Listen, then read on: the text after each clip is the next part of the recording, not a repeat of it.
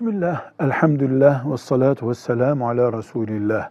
Kur'an-ı Kerim'deki herhangi bir ayet, içinde Allah sözcüğü geçsin veya geçmesin, Allah demektir. Duvarlara ev duvarı olsun, cami duvarı olsun, boyayla veya nakşederek, kazıyarak ayet yazmak, belki haramdır diye bir kayıt kitaplarda yok. Ama silineceği zamanda boyayla üstü kapatılan bir şeyi Allah'ın ayeti olduğu halde duvara yazmamızda sıkıntı var.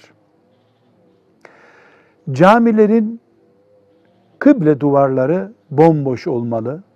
Nakışlı mermerler, çiniler olmamalı. Duvarlara ayetler yazılmamalıdır. Namazı meşgul etmesin diye. Camilerin diğer duvarlarına yazılan ayetler de okunup anlaşılır şekilde yazılmalıdır.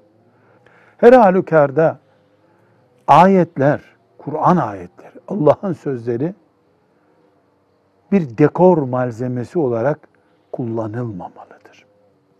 Süslemeye ayet kullanılmamalıdır kullanılıyorsa her türlü saygı kurallarına göre kullanılmalıdır. Saygıda kusur edilmemelidir. Silineceği zaman bir çamaşırdaki leke siliniyor gibi silinmesi yanlış bir şey. Veya kenarında kuş resimleri bulunan ayetleri görmek Müslümanı hoş etmez. Etmemelidir. Evet, cami duvarları veya ev duvarlarına nakışla ya da boyayla, fırçayla ayet yazmak haram değil ama bu Allah'ın ayetlerine taazime karşı sorun oluşturabilecek bir şeydir. Velhamdülillahi Rabbil Alemin.